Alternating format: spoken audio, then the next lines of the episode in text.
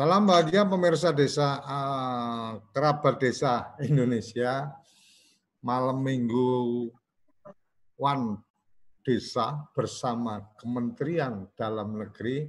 Kali ini mengangkat topik yang cukup menarik, yaitu berbicara tentang bagaimana cara menata batas wilayah dan kewenangan desa. Ini sebenarnya seperti apa sih uh, kita mesti uh, melihat atau mencermati tentang batas wilayah dan Nah, kewenangan-kewenangan desa itu apa saja? Karena memang uh, pengalaman saya waktu masih di kampung itu kalau bicara batas desa biasanya batasnya batas alam. Jadi ada ada selokan. Oh ini desa ini kalau kita udah nyebrang berarti udah udah beda desa dan seterusnya. Uh, hari ini digital sudah luar biasa Google Map bisa sampai ke atap rumah kita jadi mungkin cara membuat batas desa dan seterusnya akan jadi berbeda. Kan sudah hadir uh, di kesempatan kali ini uh, dari Kementerian Dalam Negeri pastinya, karena memang ini malam mingguan desa bersama teman-teman dari Kementerian uh, Dalam Negeri. Jadi memang spesial uh, kita menghadirkan Pak Averi yang Direktur PAPD Dirjen Bina Pemdes. Selamat malam Pak Ferry. Malam Pak Pak iya. Suryo Koco ya dari iya. TV Desa. Selamat malam pemirsa TV Desa. Siap, siap. Salam apa di TV Desa kita menyampaikan salam bahagia kerabat desa. Jadi uh, ini ini cara kita untuk bagaimana membawa desa harus selalu bahagia. Indikator bahagia itu tidak takut akan kejadian untuk hari esok. Jadi kalau besok kita sudah tidak punya rasa takut ada debt collector, ada panen yang nggak akan sukses dan seterusnya, berarti sudah bahagia. Oke, okay, ya. Pak Ferry atau uh, ini uh, menarik kita pengen pengen dengar cerita tentang batas apa batas wilayah dan juga kewenangan-kewenangan desa. Uh, di acara malam mingguan itu salah satu andalan, artinya salah satu yang partisipannya selalu luar biasa karena memang ternyata teman-teman ini sangat haus untuk ketemu sama apa uh, komandan-komandannya di Kementerian Dalam Negeri. jadi jadi kesempatan begitu. Oh ini pasti selalu ada apa uh, dari teman-teman Kementerian Dalam Negeri maka apa uh, respon teman-teman sangat luar biasa apalagi kalau kemudian secara tematik ini uh, menurut uh, menurut teman-teman di uh, desa terutama aparat desa ini menjadi apa edukasi yang penting. Silakan uh, Pak Ferry sepenuhnya waktu saya sampaikan silakan berbagi berbagi pengetahuan ke teman-teman dan mungkin teman-teman akan mengikuti dengan baik. Jadi kalau ada yang ingin ditanyakan nanti uh, ke chat dulu supaya uh, saya bisa rekap atau saya berikan kesempatan untuk menyampaikan secara langsung. Monggo Pak Ferry sepenuhnya. Baik. Terima kasih Pak Suryo. Ya. Uh, satu malam yang sangat membahagiakan bagi saya sebenarnya ini bisa berkesempatan untuk uh, bertemu dengan para pemerhati desa meskipun melalui uh, eh, TV desa secara tidak langsung. Uh, sebelumnya saya ingin sampaikan dulu tadi disampaikan Direktur PAPD itu ya. nanti nanya itu apa itu direktur PAPD tidak paham. betul betul betul betul. Direktur PAPD itu direktur penataan ya, dan hmm. administrasi pemerintahan desa. Oke. Okay. Jadi itu untuk dipahami. Yang ruang lingkup tugasnya yang terlain mengenai batas wilayah dan kewenangan. Jadi eh, baik, saya kira kita patut ber, bangga bahwa dengan terbitnya Undang-Undang Nomor 6 Tahun 2014 tentang desa menjadi sebuah titik awal harapan bagi kita semua terutama di desa untuk bisa menentukan uh, posisi peran dan kewenangan atas diri desa itu. uh, saya kira persoalan kita malam ini membicarakan tentang tata cara penetapan batas wilayah dan kewenangan desa adalah sesuatu uh, taufik yang sangat menarik karena terus terang implementasi Undang-Undang Nomor 6 Tahun 2014 tentang desa itu menjadi sangat-sangat tidak bisa berjalan secara optimal dapat dipastikan ketika penataan batas wilayah dan penataan kewenangan desa tidak duduk pada posisi sebagaimana diamanatkan dalam Undang-Undang Nomor 6 Tahun 2014. Padahal kalau kita cermati di dalam pasal 1 Undang-Undang Nomor 6 tentang desa didefinisikan bahwa desa adalah kesatuan masyarakat hukum yang memiliki batas wilayah berwenang untuk uh,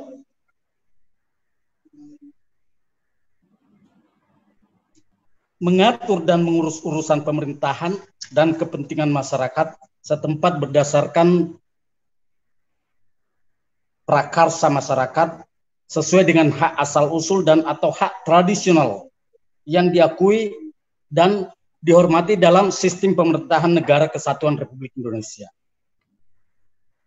Kalau ini kita pahami dengan baik, maka tentu dari definisi itu tidak bisa tidak syarat untuk bisa kita memenuhi satu desa adalah dengan adanya batasan wilayah dan kejelasan wewenang untuk mengatur dan mengurus itu.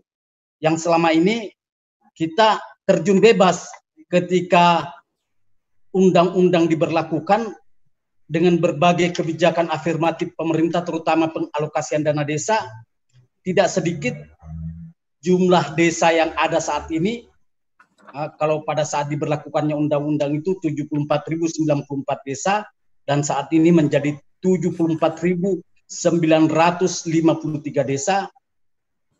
Masih sangat terbatas jumlah desa yang memiliki batas wilayah dan memiliki batas kewenangan.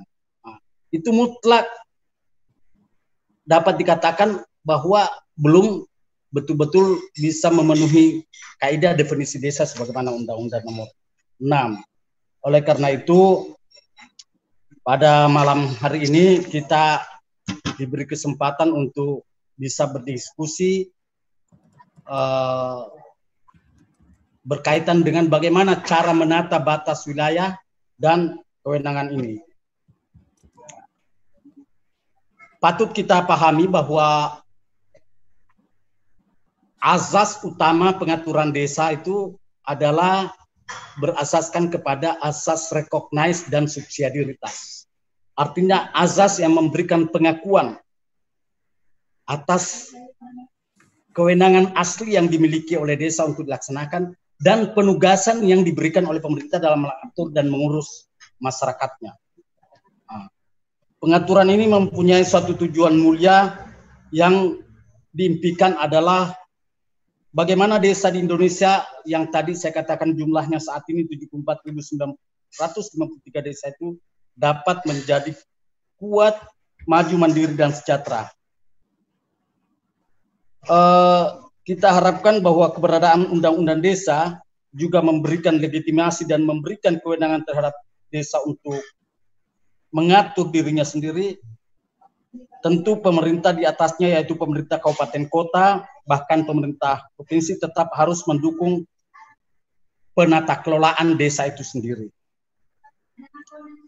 Mewujudkan konsep desa yang maju, sejahtera, mandiri tentu ada sebuah konstruksi pemikiran yang menempatkan desa pada posisi subjek sebagai organisasi sosial yang harus diberi kepercayaan penuh oleh orang-orang yang ada di luar desa itu sendiri kepada desa sebagai suatu kesatuan di dalam mengatur dan mengurus dirinya sendiri dengan kekuatan dan modal yang ada pada dirinya konsep desa kuat maju mandiri dan sejahtera itu membutuhkan cara pandang yang sangat-sangat harus kita rubah dibanding berdasarkan cara pandang masa lalu sesuai dengan undang-undang, di mana undang-undang saat ini mengharuskan adanya kepastian tentang berbagai hal.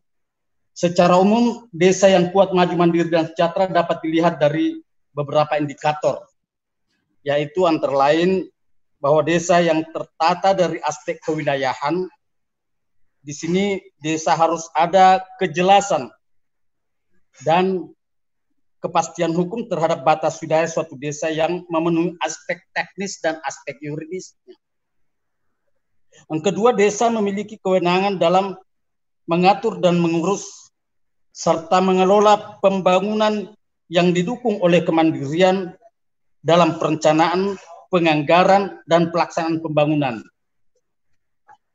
Yang tentunya kita harapkan juga melalui batas desa penting untuk menciptakan pengelolaan potensi sebagai daya saing yang dimiliki oleh setiap desa dalam rangka kemandirian desanya itu sendiri. Kemudian kejelasan batas desa juga diharapkan menjadi basis atau dasar perencanaan, yaitu dengan adanya informasi batas desa, kita tidak hanya pemetaannya saja, tetapi dapat kita data secara menyeluruh, baik sosial ekonomi yang ada di desa, misalnya berapa jumlah penduduknya, berapa luas wilayahnya, berapa potensi wilayah pertanian, dan potensi-potensi lainnya yang kemudian kita ketahui bahwa saat ini bahkan dengan Undang-Undang Nomor 6 Tahun 2014 dengan kebijakan afirmatif negara kepada desa mengalokasikan APBN itu ditetapkan bahwa pengalokasiannya didasarkan atas luas wilayah, jumlah penduduk, angka kemiskinan, dan tingkat kesulitan geografis yang menjadi dasar pengalokasian anggaran dana desa secara nasional. Sehingga dengan demikian tentu menjadi sangat urgent dan penting untuk terpenuhi kejelasan batas wilayah setiap desa yang ada itu.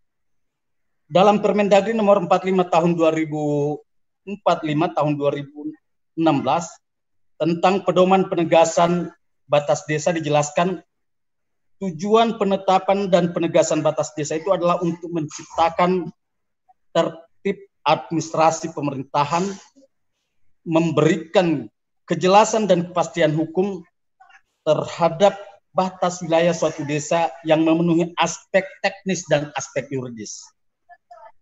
Batas desa adalah pembatas wilayah administratif pemerintahan antar desa yang merupakan rangkaian titik-titik koordinat yang berada permuka, pada permukaan bumi atau dapat berupa tanda-tanda alam seperti tadi yang dikatakan bahwa pada umumnya dulu batas-batas desa ditandai dengan selokan, bahkan punggung gunung dan lain sebagainya. Tata cara penetapan dan penegasan batas desa menurut bab 5 pada pasal 9 Permendagri nomor 45 tahun 2016 itu secara tegas dicatatkan bahwa penetapan, penegasan, dan pengesahan batas desa itu khususnya yang di darat berpedoman pada dokumen batas desa berupa peta rupa bumi, topografi, atau minute plan, blood, kesepakatan, dan dokumen lain yang mempunyai kekuatan hukum. Kemudian pada ayat 2 dikatakan bahwa penetapan, penegasan, dan pengesahan batas desa di wilayah laut, jadi tadi di darat, ini di wilayah laut, berpedoman pada dokumen batas desa berupa undang-undang pembentukan daerah, peta laut, peta lingkungan laut nasional, dan dokumen lain yang mempunyai kekuatan hukum tentunya. Dan selanjutnya pada ayat 3 dikatakan batas desa hasil penetapan dan penegasannya itu ditetapkan oleh bupati atau wali kota dengan peraturan bupati atau peraturan wali kota. Jadi penetapannya harus dengan peraturan bupati dan peraturan wali kota. Selanjutnya peraturan bupati dan peraturan wali kota itu harus memuat titik-titik koordinat batas desa yang diuraikan dalam batang tubuh dan dituangkan dalam peta batas dengan daftar titik koordinat yang tercantum dalam lampiran peraturan bupati atau peraturan wali kota. Tidak lagi seperti masa lalu yang cukup dengan batas-batas wilayah tanpa didasari atas kaidah kartografis atau koordinat. Oleh karena itu pemerintah kabupaten kota yang benar-benar memperhatikan desa dengan maksimal tentu diharapkan berdasarkan Permendagri tersebut dapat membentuk tim TPBDes yaitu tim penetapan dan penegasan batas desa yang diketuai oleh bupati ataupun wali kota pada setiap daerah kabupaten kota. Bentuk konkretnya adalah tentu nanti melahirkan peraturan bupati dan peraturan wali kota tentang batas desa seperti yang diatur dalam Permendagri yang saya katakan tadi. Maaf. Terkait kondisi peta batas desa Indonesia saat ini untuk diketahui dapat kami jelaskan bahwa yang ada saat ini peraturan bupati mengatur tentang batas desa baru 717 yang kami kompilasi. Padahal jumlah desa yang ada saat ini dari 32 provinsi adalah 74.953. Bayangkan desa yang sudah memiliki batas wilayah berdasarkan Permendagri nomor 45 tahun 2016 itu baru 717 dari 74.000. Uh, peta yang sudah didelineasikan, peta indikatif dengan kesepakatan tapi tanpa peraturan bupati itu baru 11.991 desa. Ini berdasarkan hasil pemetaan Badan Informasi Geospasial. Uh, kita sudah saat ini berangsur-angsur sangat melakukan upaya percepatan sejalan dengan Perpres tentang percepatan kebijakan satu peta untuk melahirkan peta batas peta batas desa. Sehingga rencana aksi tindak lanjut percepatan penetapan dan penegasan batas desa sudah dikeluarkan melalui surat edaran Mendagri kepada gubernur dan bupati wali kota seluruh Indonesia. Tentunya kepada bupati wali kota yang memiliki uh, desa karena banyak kota-kota yang memang tidak memiliki desa. Oleh karena itu, Pemda kita minta untuk melaporkan progres capaian pelaksanaan penetapan dan penegasan batas desa di wilayahnya masing-masing. Dan kemudian menyampaikan kendala-kendala dalam pelaksanaan penetapan dan penegasan batas desa di tataran pelaksanaannya ini. Itu saya kira berkaitan dengan uh, bagaimana peta batas desa menjadi sangat urgent untuk kita selesaikan karena uh, ini menjadi landasan kita untuk menyesuaikan kondisi desa berdasarkan definisi yang ada dalam undang-undang. Kemudian mengenai penataan kewenangan desa yang juga sangat penting dapat diketahui bahwa desa itu sesungguhnya diberi kewenangan lebih luas untuk tumbuh pada kewenangannya sendiri serta mampu menata masa depan yang lebih baik. Berdasarkan Undang-Undang Nomor 6 Tahun 2014 tentang desa dan regulasi turunannya terkait dengan kewenangan desa, desa diberi ruang untuk menemukan kewenangannya yaitu kewenangan berdasarkan hak asal usul, kewenangan lokal berskala desa, kewenangan yang ditugaskan oleh pemerintah, pemerintah daerah baik provinsi maupun kabupaten kota, dan kewenangan lain yang ditugaskan oleh pemerintah dan pemerintah daerah sesuai dengan ketentuan peraturan perundang-undangan.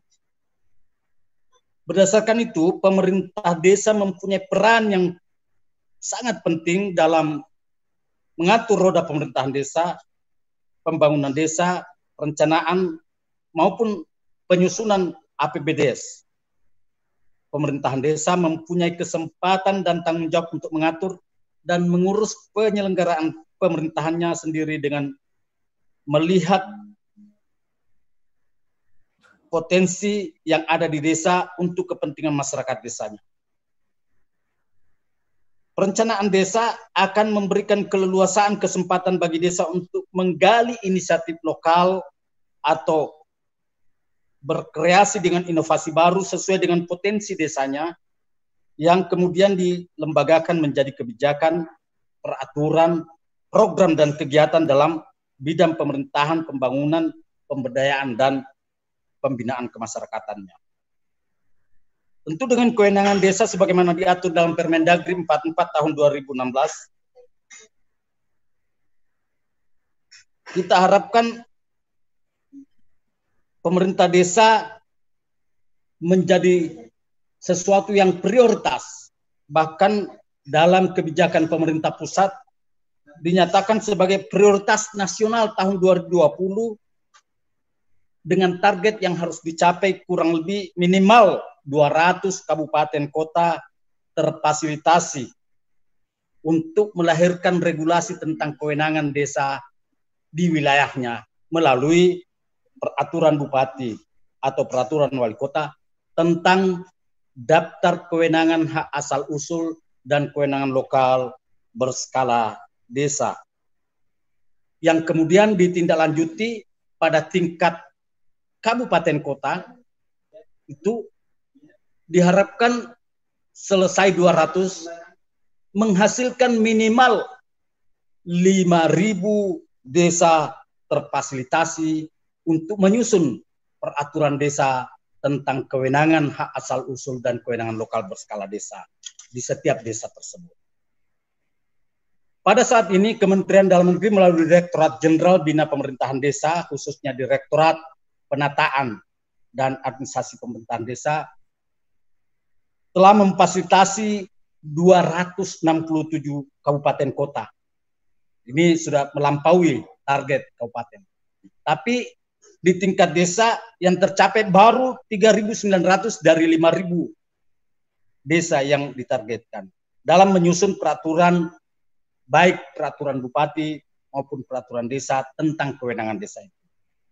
Oleh sebab itu kegiatan des penyelesaian rancangan peraturan bupati wali kota tentang kewenangan desa sangatlah tepat dalam peningkatan pemahaman dan peningkatan kapasitas secara komprehensif bagi aparatur pemerintah desa dan terutama aparatur pemerintah daerah atas substansi dalam percepatan penyelesaian penyusunan regulasi terkait penataan kewenangan terutama kewenangan hak asal usul dan kewenangan lokal berskala desa itu dalam membangun dirinya desa itu tentu dibutuhkan berbagai hal dukungan pemerintah dalam membangun desa. Oleh karena itu saya ingin menyampaikan beberapa hal sebagai berikut. Pada kesempatan ini terutama berkaitan dengan penataan kewenangan ini. Bahwa regulasi yang telah diterbitkan kita harapkan peran pemerintah baik provinsi maupun kabupaten kota untuk menindaklanjuti aturan yang telah ada yang diamanatkan secara komprehensif, terutama mengenai batas wilayah dan kewenangan itu. Yang kedua, meningkatkan pemahaman dan kapasitas terkait penataan batas wilayah dan kewenangan hak asal usul dan kewenangan lokal desa perlu dilakukan proses identifikasi dan inventarisasi secara tepat, tepat dan berjenjang khusus untuk kewenangan desa yang merupakan dasar dalam pelaksanaan bidang penyelenggaraan pemerintahan desa, pembangunan desa, pembinaan kemasyarakatan maupun pemberdayaan masyarakat ini yang nantinya akan termuat dalam dokumen RPJMDes dan RKPDes serta APBDes. Selain itu, kewenangan juga merupakan pintu masuk bagi setiap program kegiatan dan proyek pembangunan yang bersifat fisik maupun non fisik. Oleh karena itu, bupati wali kota kita harapkan untuk segera membentuk kelompok kerja keanggotaannya. Nah ini kelompok kerja berkaitan dengan kewenangan. Kalau tadi pada batas wilayah dikatakan membentuk TPPBDes tim penetapan dan penegasan batas wilayah desa sekarang ini kelompok kerja lintas SKPD yang terdiri dari bagian yang membidangi terutama ini pemerintahan umum atau tata pemerintahan yang membidangi perencanaan dan pembangunan daerah, yang membidangi pemberdayaan masyarakat desa atau sebutan lainnya, serta yang membidangi penataan pengelolaan keuangan dan aset daerah maupun unit kerja yang membidangi penyusunan produk hukum daerah serta inspektorat untuk bersama-sama dengan pemerintah desa melalui melakukan identifikasi dan inventarisasi atas kewenangan desa di mana hasil inventarisasi itu dituangkan dalam peraturan bupati atau peraturan wali kota tentang daftar kewenangan desa, terutama kewenangan hak asal usul dan kewenangan lokal berskala desa. Itu yang prioritas dua. Meskipun ada empat, ada empat kewenangan di desa itu berjalan dengan sendirinya nanti uh, biar menyusul. Tapi yang prioritas adalah kewenangan asal usul dan kewenangan lokal berskala desa karena itulah yang menjadi tugas tanggung jawab pemerintah desa di dalam penyelenggaraan pemerintahannya. Kemudian kepada pemerintah provinsi dalam hal ini gubernur beserta jajarannya kita harapkan memfasilitasi pemerintah kabupaten kota di daerahnya untuk menyusun regulasi kewenangan ini. Terutama kewenangan hak asal usul dan kewenangan lokal berskala desa untuk dikomunikasikan kepada pemerintah pusat dalam hal ini Kemendagri melalui Direktorat Jenderal Bina Pemerintahan Desa. Ini mungkin ada pertanyaan, kenapa begitu rumit penyelesaian kewenangan ini harus sampai tingkat pusat? perlu kita ketahui kewenangan ini adalah merupakan kalau analognya dengan undang-undang pemerintahan daerah adalah pembagian urusan. Oleh karena itu berkaitan dengan kewenangan ini perlu kita koordinasikan secara berjenjang dengan baik agar tidak terjadi overlapping dan tumpang tindih di dalam pengaturannya. Jangan sampai penetapan peraturan bupati atau peraturan wali kota tentang daftar kewenangan hak asal usul dan kewenangan lokal berskala desa itu dilakukan secara sepihak, apakah tanpa melibatkan pemerintahan desa atau tanpa mengkoordinasikan dengan pemerintah di tingkat atasnya, dikhawatirkan ada kewenangan-kewenangan yang bisa terjadi overlapping antara apa yang sudah dilakukan oleh pemerintah tingkat atas dengan pemerintah tingkat desa atau bahkan ada sesuatu yang menjadi sangat urgen tetapi karena tidak dipahami dengan baik itu tidak dimasukkan di dalam pengaturan tentang kewenangan desa itu sehingga tidak terakomodir sebagai sesuatu yang semestinya harus dilakukan oleh desa. Kemudian setelah itu kita harapkan pemerintah kabupaten kota tentu dengan selesainya penetapan regulasi di tingkat kabupaten yang dipedomani oleh desa, desa difasilitasi untuk menyelesaikan regulasi tentang perdes kewenangan hak asal usul dan kewenangan lokal desa. Di setiap desa yang ada di dalam wilayah pemerintah kabupaten kota tersebut.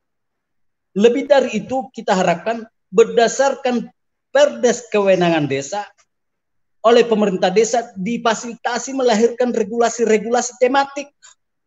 Karena sesungguhnya penyelenggaraan pemerintahan desa itu dilaksanakan berdasarkan regulasi yang ditetapkan oleh pemerintahan desa. Sebagai contoh tentang pengelolaan BUMDes.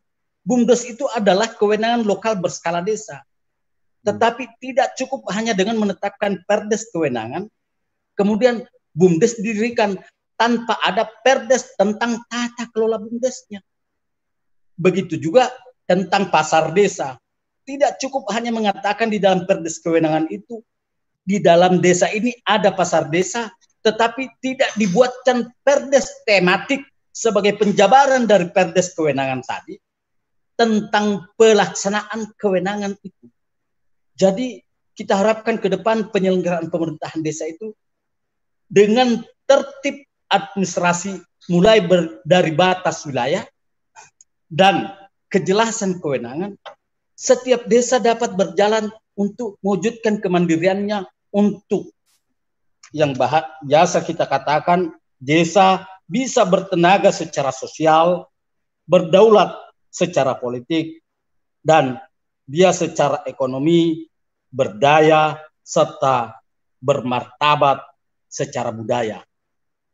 Hanya dengan batas wilayah dan kewenangan yang jelas untuk bisa terwujud atau seperti yang kita katakan tujuan diaturnya desa dalam undang-undang adalah menjadikan desa itu kuat, maju, mandiri, sejahtera dan demokratis.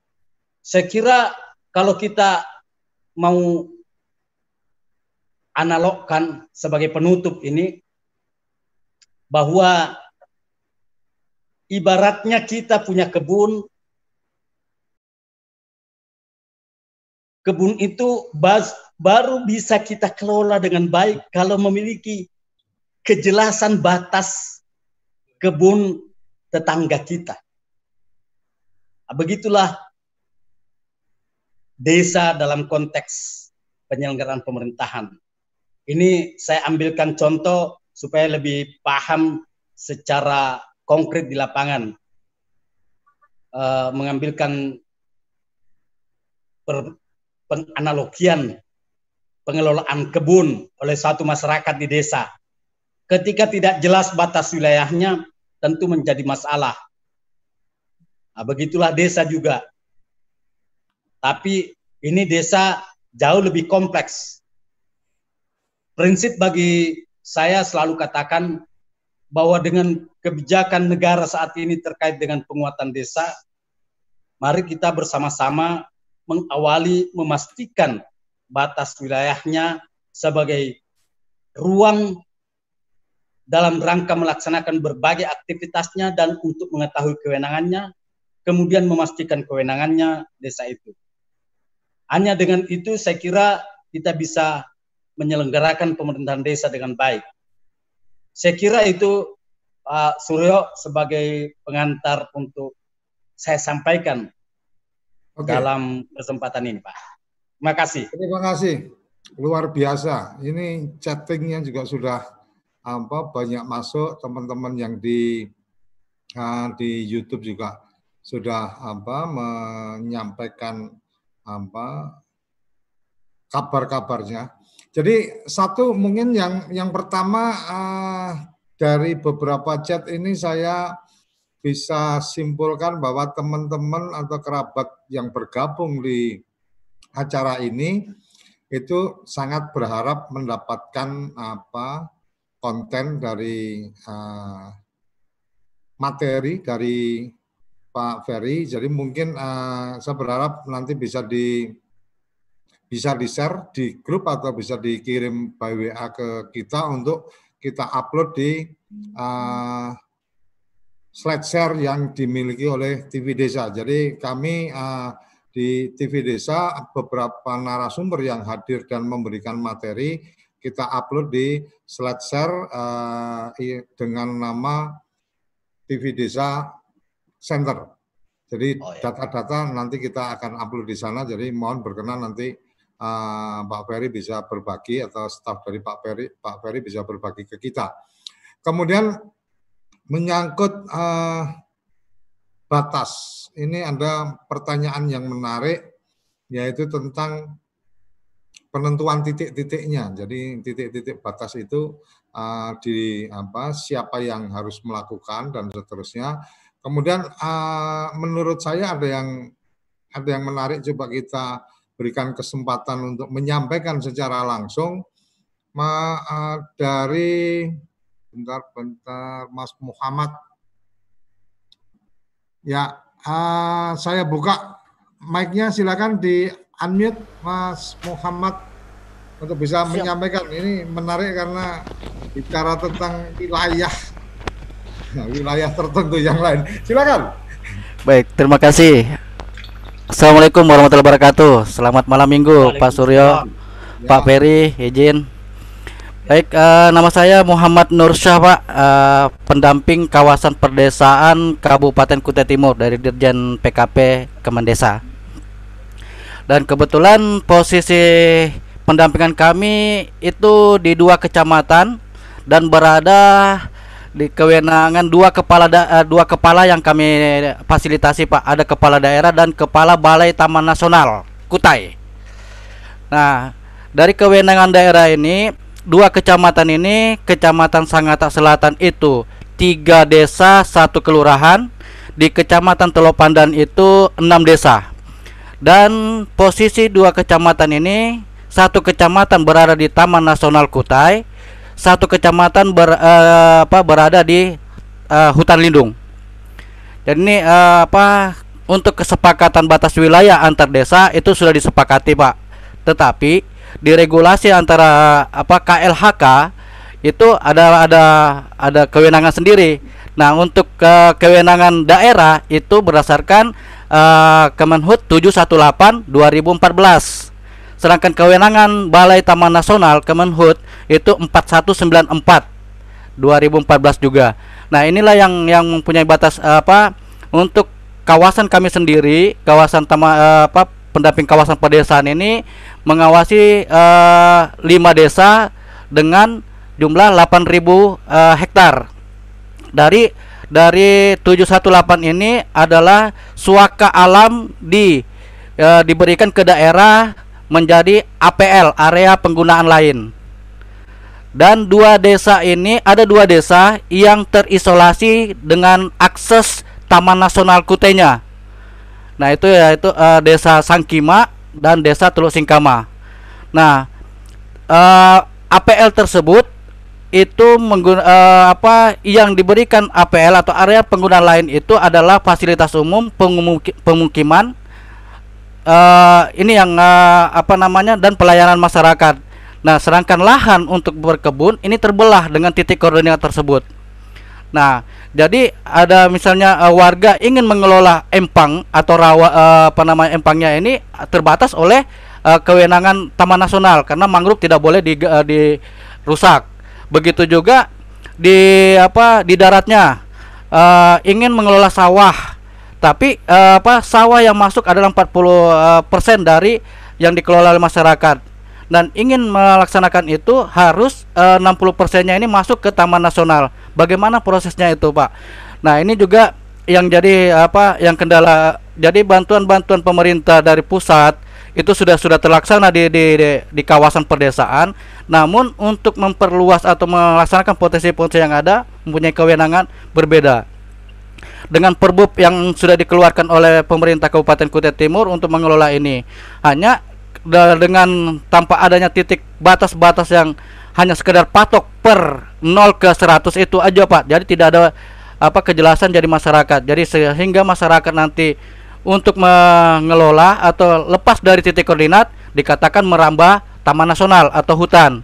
Inilah yang apa yang jadi kendala. Sedangkan di Undang-Undang Nomor 6 sendiri desa memiliki batas-batas kewenangannya Nah, sekarang di sini yang saya menurut saya ya untuk di wilayah kami sendiri pendampingan kawasan pedesaan ini kami dibatasi oleh kewenangan. Nah, desa lima desa ini dibatasi oleh kewenangan. Terus di daratnya sendiri di apa batas ini ada desa juga apa perusahaan batubara ini masuk. Nah, bagaimana sistem zonasi zonasinya? Nah, apakah nah jadi masyarakat untuk kelompok tani sendiri uh, boleh kata jangan menggarap itu. Ini milik negara. Padahal perusahaan membuka lahan itu. Nah inilah yang jadi jadi apa namanya yang perhatian kami. Nah uh, mohon mudah-mudahan ada ada solusi untuk memberikan gambaran kepada kami Pak sebagai pendamping kawasan perdesaan juga untuk menyampaikan ke pemerintah desa tetap apa semangat untuk memperdayakan masyarakat dan melaksanakan potensi-potensi yang ada. Sedangkan apakah dana desa ini bisa apa namanya karena wisata sudah mulai uh, apa di uh, mangrove.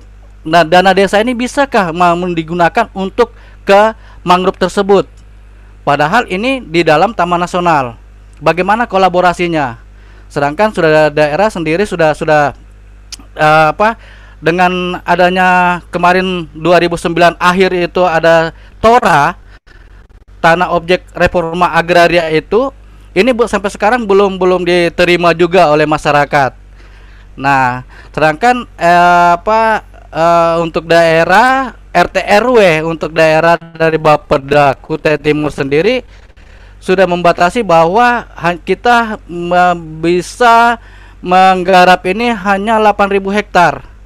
Sedangkan eh, apa namanya yang ingin di mas masyarakat itu ya lebih dari eh, 32.000. Jadi masih masih ada ini, masih ada yang mau uh, di, dibahas sehingga uh, apa sertifikat atau uh, surat tanah dari dari Kementerian KLHK atau ke, uh, surat sertifikat dari Pak Presiden. Nah, ini jadi untuk tetangga sebelah untuk Kutai Kartanegara sudah mendapatkan sertifikat. Jadi masyarakat juga nanya, Pak Nur ini kan dari, apa namanya kata dari Kementerian Desa bisa enggak tanyakan itu? Apakah Tora ini masih ada ataukah mungkin ada bisa penambahan lahan sendiri? Sedangkan uh, di daerah sendiri sudah mendapatkan ada dua desa lagi ada dua uh, desa pemekaran desa lagi dua dua desa dimekarkan di Taman Nasional sehingga 11 desa berada di uh, apa namanya uh, dibatasi oleh kewenangan yaitu Taman Nasional dengan hutan lindung. Nah ini apa mudah-mudahan uh, Pak Ferry bisa uh, memberikan uh, solusinya untuk kami sampaikan ke bawah. Kami sebagai pendamping kawasan siap uh, menyampaikan itu Pak dari de, uh, apa namanya masukan tentang batas-batas desa. Kalau untuk batasnya sudah siap, sudah boleh kata akur antara desa dengan uh, desa satu dengan desa yang lain sudah, tapi bagaimana dengan kewenangan dari pusat sendiri? Bahwa ini hutan lindung dibatasi, ini uh, taman nasional dibatasi. Nah, ini yang yang yang kami kami ingin apa namanya uh, mohon untuk tanggapan tanggapannya untuk bisa memberikan solusinya Pak. Terima kasih Pak dari Muhammad Nursa Pak. Assalamualaikum warahmatullahi wabarakatuh. Waalaikumsalam. Uh, kayaknya harus langsung ini Pak Ferry supaya harus langsung ini Pak. Tidak terlewatkan. ini menarik. Jadi kalau bicara bahas wilayah masyarakat sudah sepakat dan seterusnya, tetapi memang kemudian yang seperti tadi Pak Ferry sampaikan memang harus ada berjenjangnya dan seterusnya. Saya tidak terlalu menguasai konten ini karena memang yang ahlinya adalah Pak Ferry. Monggo silakan langsung Pak Ferry. Baik Pak Suro, dari Pak Muhammad ya. Siapa? Ya, Pendamping kawasan pedesaan di Kutai Timur. Timur. Oke. Ini calon calon ibu kota negara Kita ini oh, orang desa nantinya, orang kampung. Amin amin amin.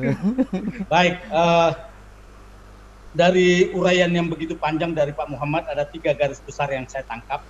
Maaf kalau saya salah, supaya mempermudah kita mendiskusikan. Yang pertama, mempertanyakan batas wilayah desa di daerah yang overlapping dengan uh, uh, hutan lindung dan taman nasional. Taman nasional. Ya. Iya Pak ya? Iya. Itu yang satu penataan batas wilayahnya seperti apa. Yang kedua, penggunaan dana desa. Dalam hal pemanfaatan katakanlah pada tadi salah satu contohnya eh, wisata mangrove apa, pengelolaan mangrove yang merupakan zona hutan lindung juga atau kawasan konservasi. Nasional. Itu pemanfaatan dana desa. Itu yang kedua. Yang ketiga berkaitan dengan kebijakan reforma agraria. Ya, ya. itu tiga yang saya tangkap. Ini berbicara tentang batas desa yang saya awal tadi kelihatannya memang begitu mudah, tapi ternyata ketika di tataran eh, lapangan grassroots, terutama berkaitan dengan daerah-daerah yang memiliki karakter seperti yang diceritakan Pak Muhammad, ternyata tidak begitu mudah dan bahkan rumit sekali. Betul sekali apa yang disampaikan Pak Muhammad tentang persoalan ini. Eh, karena itu kami di Kemendagri tidak secara sepihak mau mengatur dengan tanpa melibatkan pihak-pihak yang berkepentingan sesuai dengan kewenangannya. Mohon Bapak selaku pendamping Pertama saya ingin sarankan melaporkan ke kami. Karena kalau tidak salah pada tahun 2017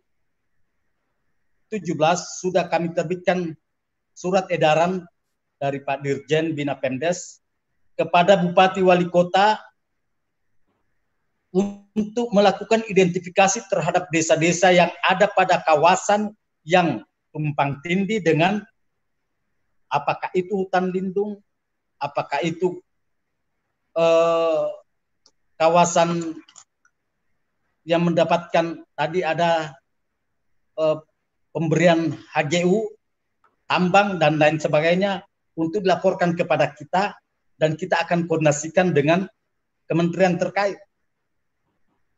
Ah. Yang Pak Muhammad katakan sudah ada kesepakatan batas wilayah antar desa, itu sudah langkah yang baik. Tapi paling tidak memastikan dulu dengan pihak-pihak yang memiliki keterkaitan dengan kewenangan pengelolaan hutan dan kewenangan yang menerbitkan penggunaan uh, pemberian HGU dan lain sebagainya itu untuk kita dudukkan karena ini tidak bisa tidak harus melibatkan semua itu itu yang pertama saya ingin sampaikan untuk disampaikan ke Kemendagri agar kita dapat mengkoordinasikan dengan pihak terkait terutama kementerian pada level pemerintah pusat kalau itu memang menjadi kewenangan pemerintah pusat. Ini banyak sekali.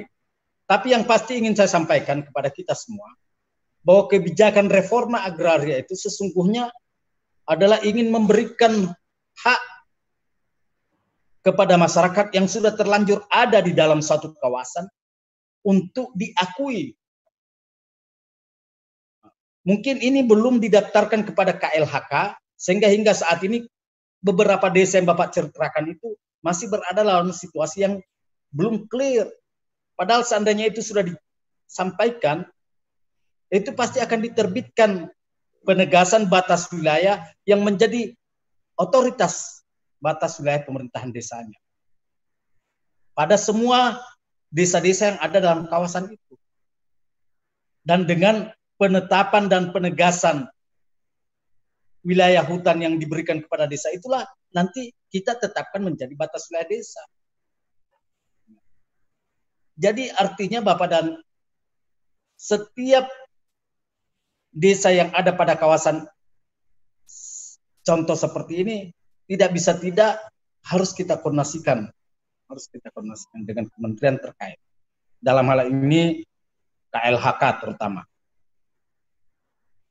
itu eh, yang saya tahu persis bahwa reforma agraria itu sejalan dengan eh, kebijakan di KLHK ada pengalihan eh, tanah-tanah untuk diberikan kepada masyarakat baik dalam artian individu maupun kolektif apalagi kalau ini desa tapi itu harus dibawa koordinasi pemerintahan daerah karena itu Bapak selaku pendamping mohon segera dikomunikasikan dengan pemerintah daerah kalau masih ada desa-desa.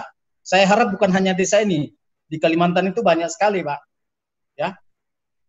Ah, berkaitan dengan dana desa tadi, berkaitan dengan dana desa untuk penggunaan wilayah mangrove yang notabene adalah masuk zona taman nasional, itu kalau kita berbicara kewenangan itu belum clear kejelasan batas wilayahnya sehingga kita sebenarnya belum bisa tetapi kan secara faktual dana desa sudah diterima dan diperintahkan untuk dilaksanakan itu menjadi dilematis di bawah hmm. oleh karena itu bapak hmm. selaku pendamping pandai-pandailah melihat memberikan arahan kepada para pemerintah desa yang dibawa binaan bapak selaku pendampingnya untuk mengalokasikan pada kawasan yang betul-betul diprediksikan itu bisa menjadi wilayah pemerintahan desa tersebut.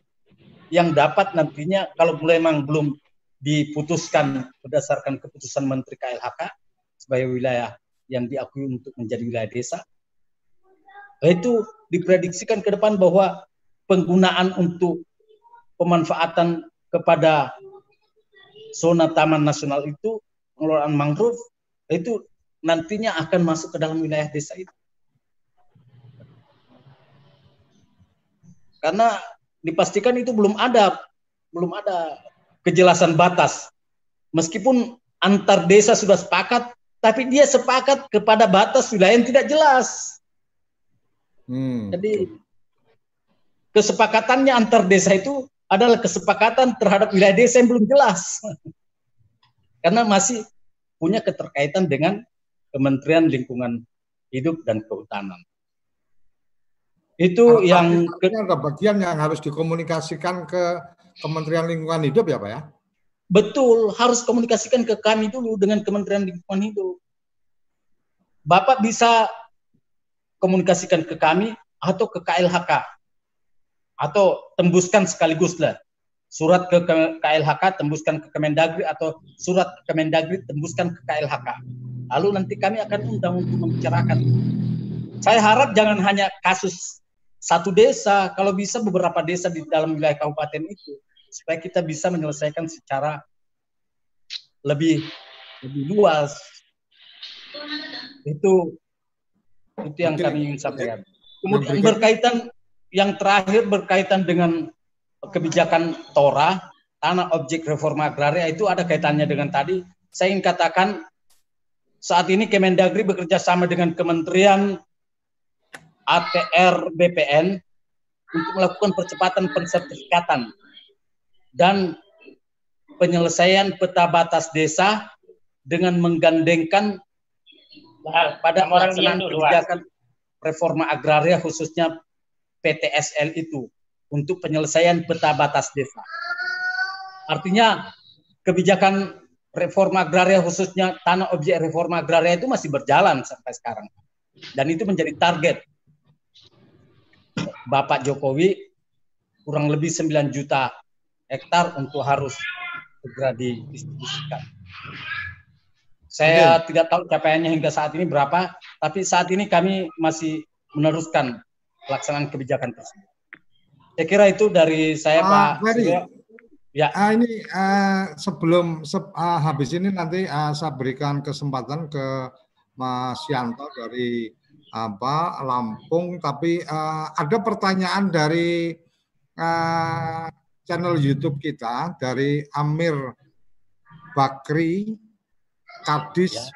DPMD Provinsi Kaltara ini Kalimantan lagi pembuatan ya. peta desa dan potensi desa apa bisa dikerjasamakan dengan perguruan tinggi dengan menggunakan anggaran dana desa. Nah ini ini pertanyaannya kalau sampai di perguruan tinggi kayaknya saya juga bisa menjawab oke okay, bisa tapi dengan anggaran dana desa ini gimana nih Pak Bari? Oke. Uh, begini Pak Suryo, uh, Pak siapa dari Kaltara ya? Ya dari Kaltara Pak Amir. Oh Kak, Pak Amir Bakri ini kepala dinas yang baru nih, selamat. Oke. sudah, dinas sudah yang sudah baru berkali ini berarti. Siap, lanjut. Uh, terima kasih Pak Kadis. Jadi seiring dengan Perpres nomor 9 tahun 2016 tentang percepatan kebijakan satu peta, ya, pada saat launching portal geografi eh, capaian kebijakan satu peta pada tahun 2018 oleh Bapak Presiden dari 85 peta tematik yang ditargetkan satu yang sama sekali capaiannya masih sangat-sangat jauh dari apa yang diharapkan yaitu peta batas desa. Oh, batas desa. Padahal itu menjadi target yang harus dicapai dari 85 peta tematik atas percepatan kebijakan satu peta yang dilahirkan oleh Bapak Jokowi. Nah, dengan kondisi seperti itu, kita tahu persis, kita tahu persis beberapa waktu yang lalu hasil ratas kabinet pada tahun 2019 akhir menindaklanjuti capaian kebijakan satu peta yang masih sangat jauh dari harapan terutama berkaitan dengan peta batas desa, maka Bapak Presiden menginstruksikan untuk percepatan penyelesaian peta batas desa dengan menggunakan antara lain dana desa itu. Oh, oke, oke, ya. oke. Itu. Ini agak-agak saya urutkan supaya dipahami betul. Ya. Menggunakan dana desa itu. Sekarang pertanyaannya, bagaimana pola pelaksanaannya? Kita kerjasamakan dengan perguruan tinggi. Ya, boleh saja dengan perguruan tinggi. Tetapi kan harus jelas perguruan tinggi itu memiliki enggak kompetensinya kompetensi atau paling tidak punya enggak program studi yang berkaitan dengan kerja-kerja geospasial ini. Hmm, ya, ya, ya. Karena penetapan dan penegasan batas desa yang harus diawali dengan adanya peta kerja yang berdasarkan kebijakan satu peta itu untuk peta dasar itu harus dikeluarkan oleh Badan Informasi Geospasial.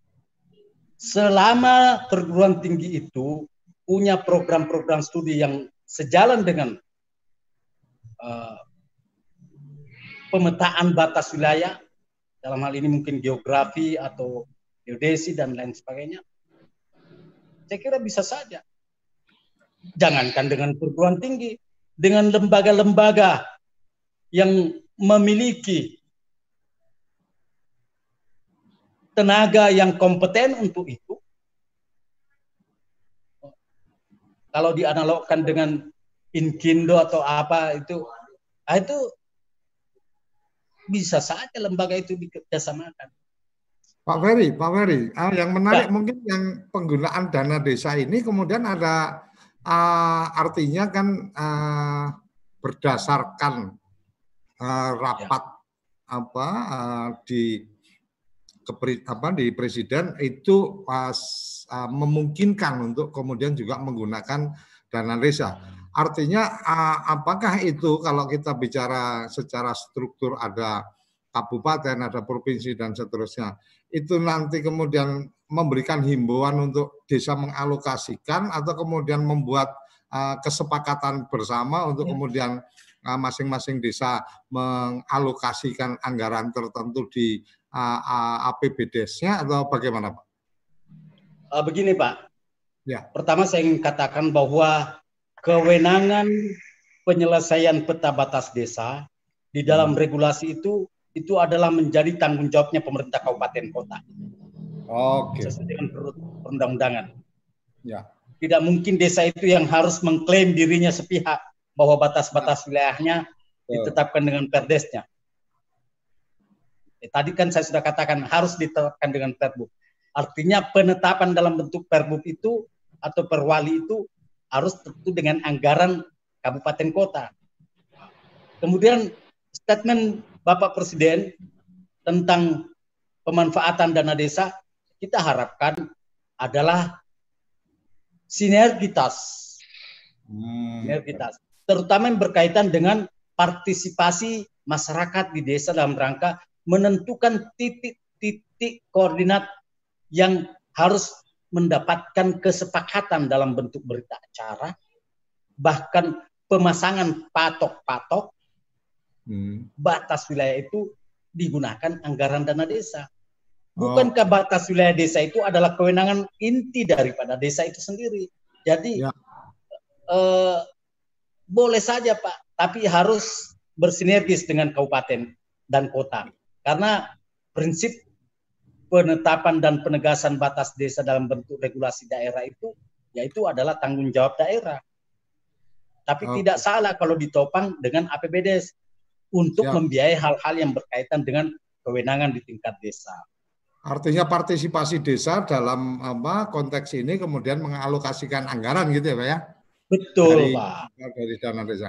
Pak ini uh, luar biasa kayaknya materinya sangat menarik jadi nggak terasa ini tahu-tahu sudah eh, uh, 20-30 tapi karena saya udah uh, berjanji ke Mas Yanto uh, silakan Mas Yanto uh, menyampaikan uh, pertanyaan atau apa uh, saya harapkan uh, singkat padat dan nanti Pak Ferry akan memberikan respon dan sekaligus memberikan closing statement karena sayang sekali waktu kita sangat terbatas dengan tema-tema yang menarik seperti ini. Silakan, Mas Yanto. Ya. Terima kasih. Assalamualaikum Pak Suryo. Waalaikumsalam. terima kasih Pak Suryo mohon izin pada Pak Peri.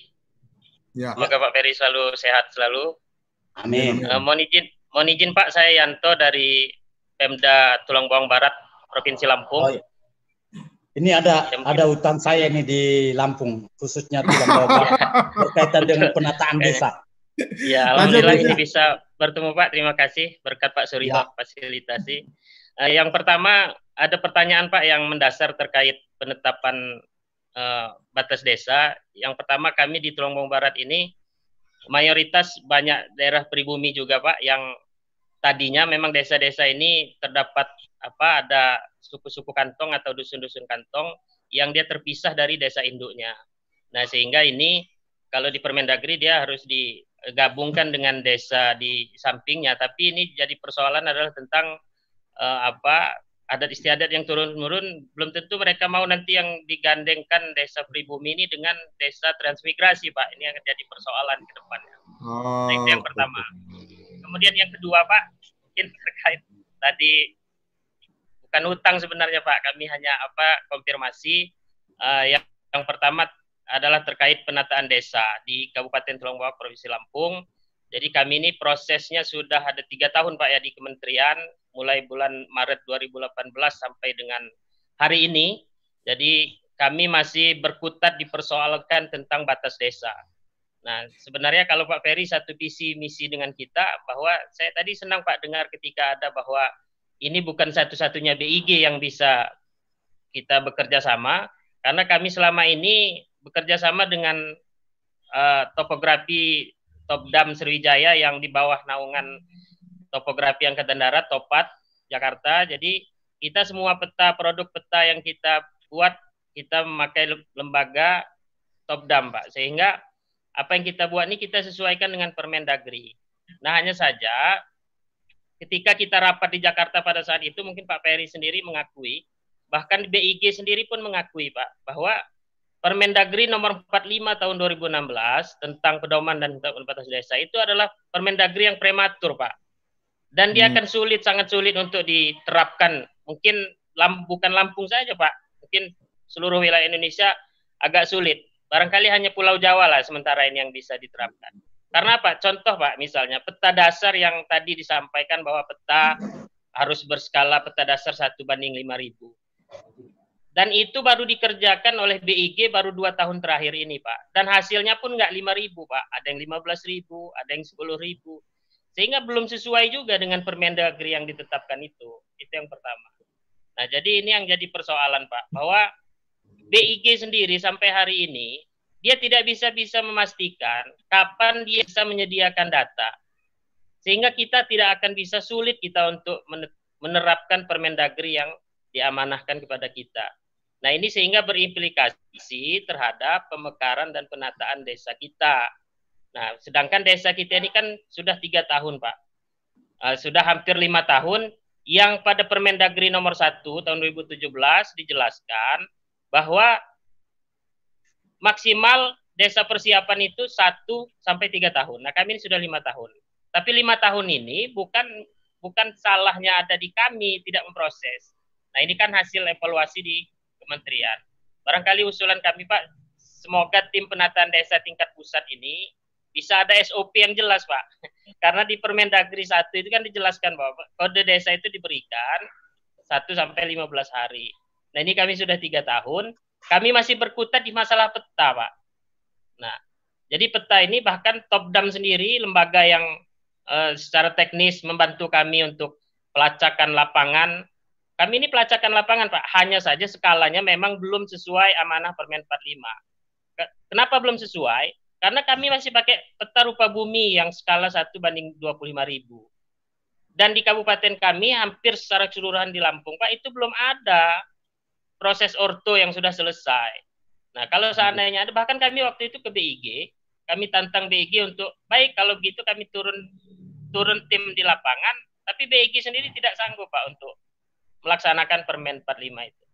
Nah, mungkin ini Pak hal-hal yang apa namanya menjadi kendala kami di daerah sehingga dalam rangka kaitannya penataan desa ini ya kami ini adalah pemerintahan yang paling bawah Pak sehingga ini akan menjadi persoalan mengganggu keamanan dan tertiban masyarakat sudah menagih kami jadi wajar ketika kami mungkin okay. bertanya ke Pak Ferry.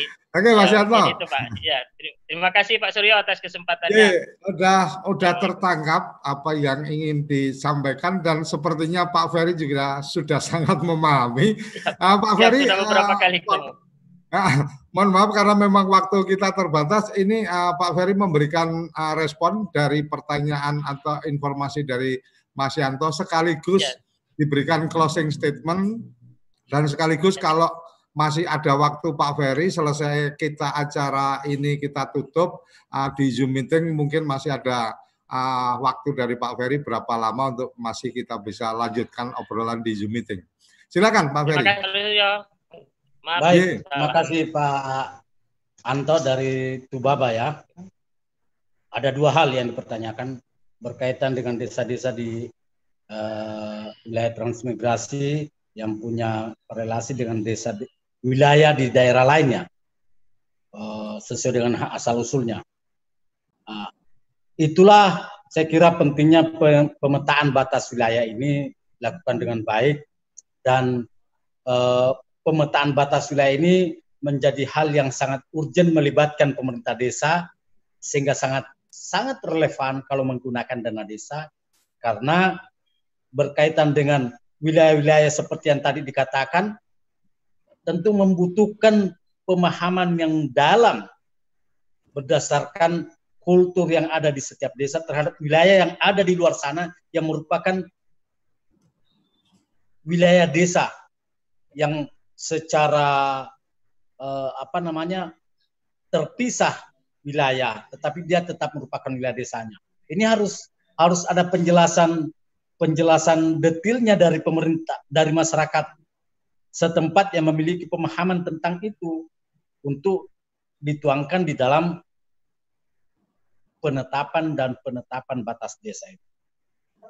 Itu itu eh, pertama saya ingin sampaikan bahwa eh, penetapan dan penegasan batas desa membutuhkan partisipasi yang sangat-sangat prioritas dari pemerintah dan masyarakat desa setempat. Karena berkaitan dengan hal-hal seperti tadi salah satu di antaranya itu tidak bisa tidak yang memahami adalah masyarakat desa itu sendiri. Menjelaskan kenapa bisa menjadi itu adalah wilayahnya dan lain sebagainya tentu harus ada penjelasannya sehingga kemudian harus dituangkan di dalam penetapan dan penegasan batas desa yang ditetapkan dalam peraturan bupati atau peraturan wali kota. Dalam hal ini kalau Kabupaten Tubaba tentu peraturan bupati. Itu yang pertama. Yang kedua mengenai uh, persoalan penataan desa tujuh desa di Kabupaten Tubaba saat ini terus terang uh, konsepsi kita tentang uh,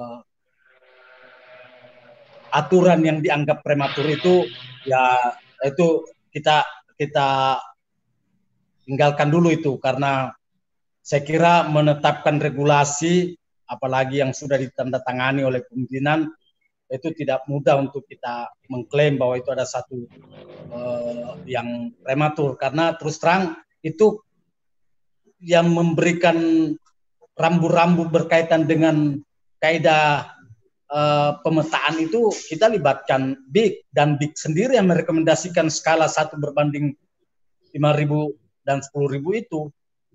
Kami tidak memiliki pengetahuan teknis tentang itu. Uh, kemudian dalam prakteknya oleh BIK sendiri merasakan tidak mampu melakukan itu itu uh, hal yang lain. Tetapi di dalam uh, tapi di dalam penjelasannya Bapak Anto untuk harus diketahui setelah saya pelajari lebih dalam ternyata selain dengan skala itu juga memungkinkan dengan berdasarkan kondisi di lapangan yang tadi Bapak katakan kalau itu memang sudah ada dan sudah sampai kepada menitik membuat patok dan lain sebagainya, nah itu bisa saja itu. Itu itu yang berkaitan dengan uh, konsep apa tanggapan Bapak terkait dengan permen tersebut. Uh, permen ter, empat empat lima tentang penetapan dan penegasan batas wilayah desa ini kami anggap masih sangat relevan dan seiring dengan kebijakan pemetaan secara nasional itu kita justru bagus karena lebih maju, lebih maju bahwa saat ini masih banyak yang belum mampu itu urusan lain. Karena ke depan pasti akan akan ke arah yang lebih lebih rigid skalanya itu. Uh, lanjut untuk berkaitan dengan uh, usulan penetaan desa itu Bapak yang dalam hal ini ada tujuh desa yang diusulkan. Uh, terus terang saat ini kami sudah lakukan secara intens dengan pihak-pihak terkait, Adwil dan BIG, bahkan provinsi kami undang kembali karena ada informasi ini ini secara internal saya ingin sampaikan pada kesempatan khusus untuk kasus Tubaba ini. Setelah kami lacak, rupanya kode register dari provinsi terhadap tujuh desa itu belum kami temukan hingga saat ini. Padahal salah satu syarat untuk mendapatkan kode desa setelah terpenuhi yang lain, salah satu di antaranya adalah kode register dari provinsi itu. Uh, dapat kami pastikan ini saya buka secara open di sini uh, bahwa dari tujuh desa itu berdasarkan penilaian kami empat di antaranya berkaitan dengan peta itu sudah memenuhi syarat pak. Saya nggak hafal dari tujuh itu empat yang mana, tapi ada empat yang sudah sangat memenuhi syarat dan itu sedang kami konsolidasikan dengan uh, Adwil. Mudah-mudahan dalam waktu singkat bisa kita selesaikan itu, Pak. Yang tiga itu setahu saya karena ada pada poligon batas wilayah antar daerah yang belum clear batas wilayah daerahnya. Sehingga kami tidak berani juga. Itu itu yang pokok ingin saya sampaikan. Saya ingin tambahkan sedikit berkaitan dengan penataan uh, desa saat ini yang disukan oleh berbagai daerah. Kita tahu pada tahun ini bertepatan dengan tahun politik tingkat daerah dengan pilkada. Terhadap daerah-daerah yang sedang dalam agenda pelaksanaan pilkada, itu disepakati antara Adwil, Ditjen Bina Pemdes, dan KPU untuk tidak memfasilitasi penerbitan kode wilayah desa dulu. Karena berkaitan dengan DPT, daftar pemilih tetap berdasarkan desanya untuk tidak terganggu. Sehingga mudah-mudahan Tubaba tidak masuk Pak ya. Oke. Okay. Tidak sedang pilkada. Oh, tidak sedang pilkada Tubaba Pak ya. Tidak Pak, tidak. Nah, ya. Itu ya. satu persoalan terkait dengan penataan desa. Yang kedua berkaitan dengan pandemi COVID-19 ini. Itu juga kita jadikan pertimbangan untuk tidak bisa kita intens melakukan verifikasi baik yang dilakukan oleh pemerintah kabupaten maupun pemerintah provinsi. Karena pemerintah kabupaten dan pemerintah provinsi itu berkewajiban melakukan evaluasi langsung di lapangan berkaitan syarat-syarat yang harus dipenuhi sehingga menjadi penghambat. Tapi karena sudah dikatakan berjalan lima tahun, ya mudah-mudahan evaluasi dari kabupaten sudah clear, evaluasi dari provinsi sudah clear, itu bisa kita segera selesaikan. Saya kira itu yang dapat saya sampaikan berkaitan dengan apa yang disampaikan oleh Pak Anto. Sebagai closing statement, Pak Suryo, ya, ya. saya ingin menyampaikan kepada seluruh rekan-rekan jajaran pemerintah daerah, baik provinsi maupun kabupaten, bahkan kepada sampai tingkat desa, mari kita mengimplementasikan Undang-Undang Nomor 6 ini dengan optimal diawali dengan pertama menata batas wilayah dan kewenangan desa itu. Saya yakin, hakul yakin bahwa tidak akan mungkin terwujud tata kelola pemerintahan desa yang baik meskipun ditopang dengan ya, meskipun ditopang dengan sumber daya manusia yang hebat bahkan anggaran yang melimpah kalau tidak memiliki kejelasan batas wilayah dan kewenangan yang konkret mustahil dapat terwujud tata kelola yang baik.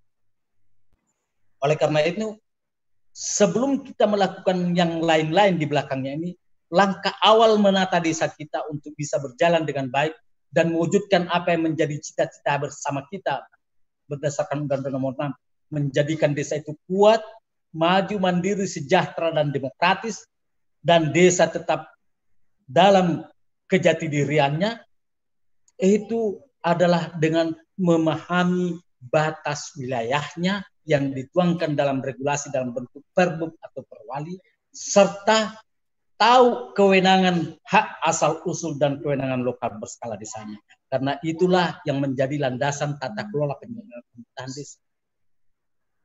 Itu closing statement saya, uh, Bapak dan Ibu sekalian pemirsa TV TV Desa. Mudah-mudahan uh, bisa bermanfaat untuk kita semua. Banyak hal yang harus kita tata dalam rangka mengelola desa ini, tapi pintu gerbangnya adalah dari kejelasan batas wilayah dan kejelasan wewenangan.